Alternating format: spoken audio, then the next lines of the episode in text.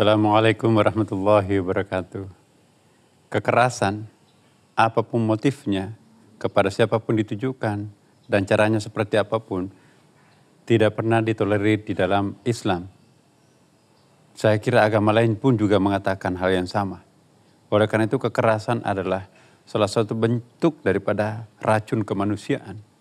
Salah satu bentuk yang sangat tidak direkomendasikan di dalam agama Islam tegas dalam Al-Quran, la ikraha fiddin, tidak ada paksaan dalam beragama. Jadi jangan atas nama agama kita menggunakan kekerasan, sebab itu tidak pernah diizinkan oleh Rasulullah.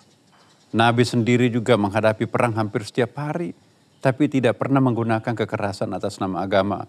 Nabi berperang memang, tetapi itu hanya untuk membela diri. Tegas disebutkan dalam beberapa ayat bahwa kekerasan itu harus dihindari bahkan sebenci apa pun kita juga kepada orang lain, ya itu tidak boleh melakukan tindakan kekerasan.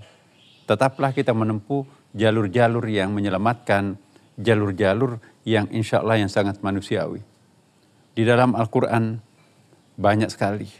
Wala talqu wala tulqu aydiyakum ila tahluka jangan menceburkan diri kalian ke dalam kebinasaan. Jadi bukan saja dilarang untuk melakukan kekerasan terhadap orang lain, melakukan kekerasan diri sendiri pun juga tidak boleh. Makanya itu bunuh diri apa pun motifnya itu adalah mati kafir dalam hadis Nabi disebutkan.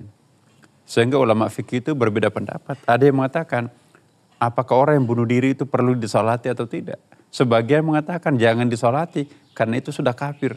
Sesuai dengan hadis Nabi orang yang mati bunuh diri itu adalah mati kafir. Nah apa pun motifnya tidak boleh kita melakukan bunuh diri. Karena itu saya menghimbau kepada kita semuanya Mari kita mencontoh kehidupan Nabi. Sesulit apa pun kehidupan Nabi tidak pernah mengizinkan sahabatnya. Dan tidak pernah kita menemukan suatu riwayat yang mengizinkan kekerasan bunuh diri itu.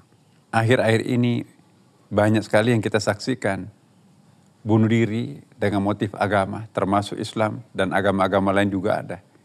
Nah saya ingin menegaskan di sini dalam Islam tidak ada tempatnya bunuh diri itu sendiri. Bunuh diri atau kekerasan terhadap siapa pun maka itu tidak ada tempatnya dan harus dijauhi. Mari kita menempuh jalan-jalan kemanusiaan dalam memperjuangkan keyakinan kita masing-masing. Wassalamualaikum warahmatullahi wabarakatuh.